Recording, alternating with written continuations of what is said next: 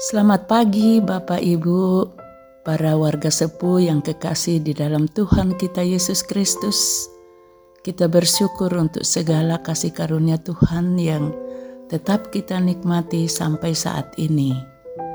Dan sebelum kita memulai kegiatan kita pagi hari ini, marilah kita mohon tuntunannya melalui firman Tuhan yang akan kita dengar dan kita akan bahas dari Injil Lukas pasal 7 ayat 36 sampai ayatnya yang ke-49.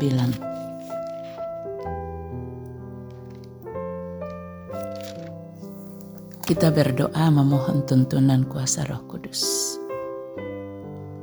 Bapa dalam sorga yang kudus, Bapa di dalam Tuhan kami Yesus Kristus. Sungguh Tuhan, kami bersyukur untuk segala limpahan kasih-Mu Kau memberikan kami kesegaran baru di pagi hari ini. Bangun dengan kekuatan yang baru. Terima kasih Tuhan, bahkan dalam segala keberadaan kami, kami tetap mau mengucap syukur Tuhan, bahwa kami tetap ada dalam kasih sayang-Mu. Sebelum kami memulai kegiatan hari ini, kami mohon Tuhan, firman-Mu ini menjadi kekuatan bagi kami menjalani kehidupan Tuntunlah kami, kuasai kami dengan kuasa roh kudusmu Bapa, baik hambamu yang akan membacakan dan merenungkan, terlebih juga kepada semua anak-anakmu, umat para warga sepuh yang akan mendengarkan. Biarlah firman ini tetap menjadi kekuatan dan sukacita kami menjalani kehidupan sehari-hari. Dalam nama Tuhan kami Yesus Kristus, kami berdoa dan mengucap syukur padamu Tuhan. Amin.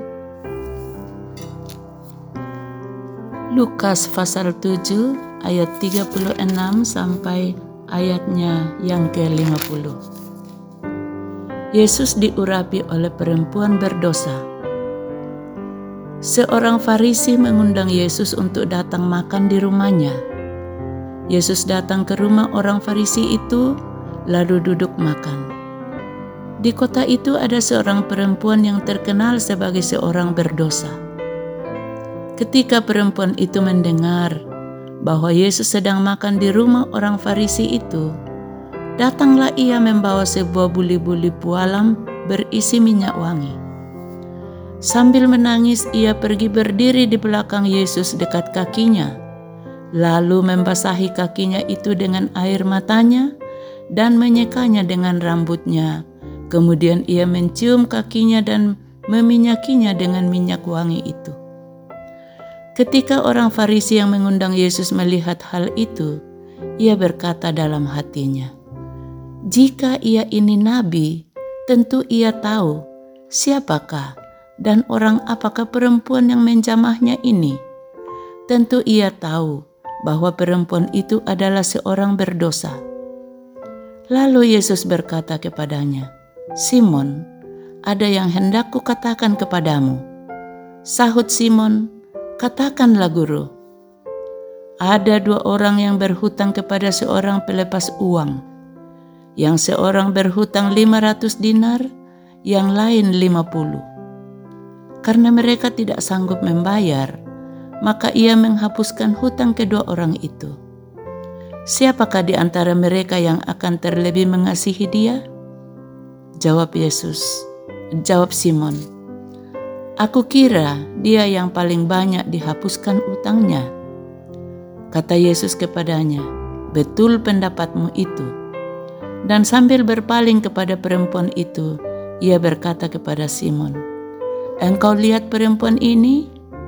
Aku masuk ke rumahmu namun engkau tidak memberikan air untuk membasuh kakiku, tetapi dia membasahi kakiku dengan air mata dan menyekanya dengan rambutnya. Engkau tidak mencium aku, tetapi sejak aku masuk, ia tiada henti-hentinya mencium kakiku. Engkau tidak meminyaki kepalaku dengan minyak, tetapi dia meminyaki kakiku dengan minyak wangi. Sebab itu aku berkata kepadamu, dosanya yang banyak telah diampuni, sebab ia telah banyak berbuat kasih. tetapi orang yang sedikit diampuni, sedikit juga ia berbuat kasih. Lalu ia berkata kepada perempuan itu, "Dosamu telah diampuni." Dan mereka yang duduk makan bersama dia berpikir dalam hati mereka, "Siapakah ia ini sehingga ia dapat mengampuni dosa?" Tetapi Yesus berkata kepada perempuan itu, "Imanmu telah menyelamatkan engkau." pergilah dengan selamat. Sampai demikian firman Tuhan pada kita pagi hari ini dan firman Tuhan ini kita beri judul menjadi tema apa yang terbaik bagi Tuhan. Siapa pun kita yang sudah meyakini bahwa Tuhan sangat mengasihi kita sehingga mau mati bagi dosa kita dan menebus kita dari dosa, maka tentu kita semua rindu untuk memberikan yang terbaik juga kepada Tuhan. Tapi mungkin kita bingung bagaimana cara untuk memberikan yang terbaik kepada Tuhan. Mari kita melihat seorang perempuan dalam bacaan kita pagi ini yang di dalam ayatnya yang ke-37 dikatakan perempuan itu terkenal sebagai seorang berdosa.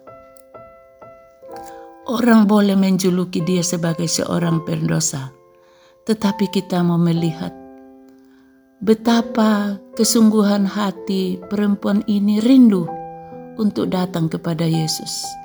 Datang dengan hati yang remuk. Ketika dia tahu keberadaan Tuhan Yesus ada di rumah seorang Farisi, dia dengan kekuatan dan kesungguhan hati, tidak berpikir lagi akan julukan orang kepadanya, tetapi kerinduannya bagaimana cara supaya dia bisa bertemu langsung dengan Tuhan Yesus. Dia datang dengan segala yang dia punyainya, membawa minyak wangi, yang tentu minyak wangi itu adalah mahal harganya, dan mahkotanya sebagai mahkotanya yaitu rambutnya dipakai untuk menyeka kaki Tuhan Yesus yang dibasuh dengan air matanya. Sungguh kita melihat betapa dengan segala yang dia miliki, dia berikan tanda cinta kasih, tanda ucapan syukurnya kepada Tuhan Yesus. Bahkan dalam kehadirannya di tengah-tengah orang yang merasa diri bersih, terlebih kepada Pemilik rumah itu berkata dalam hatinya, dia ragu akan kenabian Tuhan yang sampai mengatakan bahwa jika ia ini benar nabi, tentu ia tahu siapakah orang siapakah perempuan ini yang datang kepadanya. Tapi kita melihat bahwa walaupun orang ini berbicara dalam hatinya, tetapi Tuhan Yesus dalam kuasanya mengetahui isi hati daripada Simon orang Farisi ini. Sehingga Yesus berkata kepadanya, Simon, ada yang hendak kusampaikan kepadamu. Di sini kita melihat bahwa oleh kuasa Tuhan Yesus bisa melihat isi hati kita tanpa kita berkata-kata, tanpa kita mengeluarkan suara apa yang ada di dalam hati kita, Tuhan tahu. Begitu juga dengan perempuan ini. Dengan segala perbuatan yang dilakukan kepada Tuhan Yesus, Tuhan Yesus melihat, mengamati, dan terlebih mengetahui apa kerinduan perempuan ini, kesungguhan hati yang datang kepadanya. Tuhan apresiasi sampai Tuhan Yesus mengatakan, "Imanmu telah menyelamatkan, dosanya telah diampuni. Bapak, Ibu, para warga sepuh yang dikasihi Tuhan. Mungkin dalam keterbatasan tubuh kita, mungkin kita terbatas untuk melakukan berbagai hal, tetapi Tuhan bisa melihat hati kita. Olehnya itu, kita jangan berputus asa dengan kelemahan tubuh yang kita rasakan. tetapi hati kita bisa melakukan berbagai hal. Kita bisa berdoa di mana kita berada, di tempat tidur atau tempat duduk kita. Kita bisa mendoakan banyak hal, mendoakan warga negara Indonesia, mendoakan keluarga-keluarga kita, dan banyak hal. Kita bisa memuji Tuhan dengan penuh ucapan syukur dengan kesungguhan hati. Kita bisa bercerita kepada anak cucu kita dengan segala pengalaman rohani yang kita sudah jalani, yang kita sudah alami, sebagaimana yang terdapat di dalam Ulangan pasal 4 ayat 9 demikian.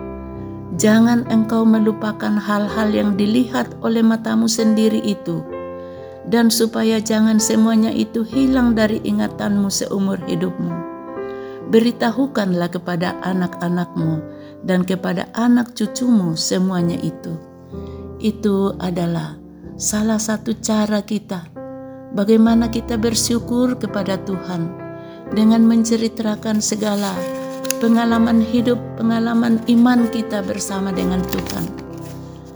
Dan marilah kita melakukan semuanya itu dengan ketulusan hati, seperti di dalam Kolose 3 ayat 23, bahwa apa pun juga yang kamu perbuat, perbuatlah dengan segenap hatimu seperti untuk Tuhan dan bukan untuk manusia. Jadi dalam keterbatasan kekuatan kita, kita tetap melakukan apa yang bisa kita lakukan. Kita berdoa dengan sukacita memuji Tuhan, dengan sukacita sebagai tanda syukur dan yang terbaik kita berikan kepada Tuhan yang mengasihi kita. Amin. Kita berdoa. Terima kasih Bapa, firmanmu pagi ini menguatkan kami. Bahwa tanpa kami berkata-kata Tuhan, Engkau tahu apa yang ada di hati kami. Dan itulah yang bisa kami lakukan Tuhan. Sebagai tanda kami mengucap syukur selalu kepadamu, mau memberikan yang terbaik kepadamu.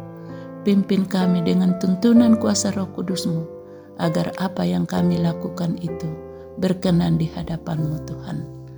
Haleluya. Terima kasih ya Yesus, kepadamu kami mengucap syukur.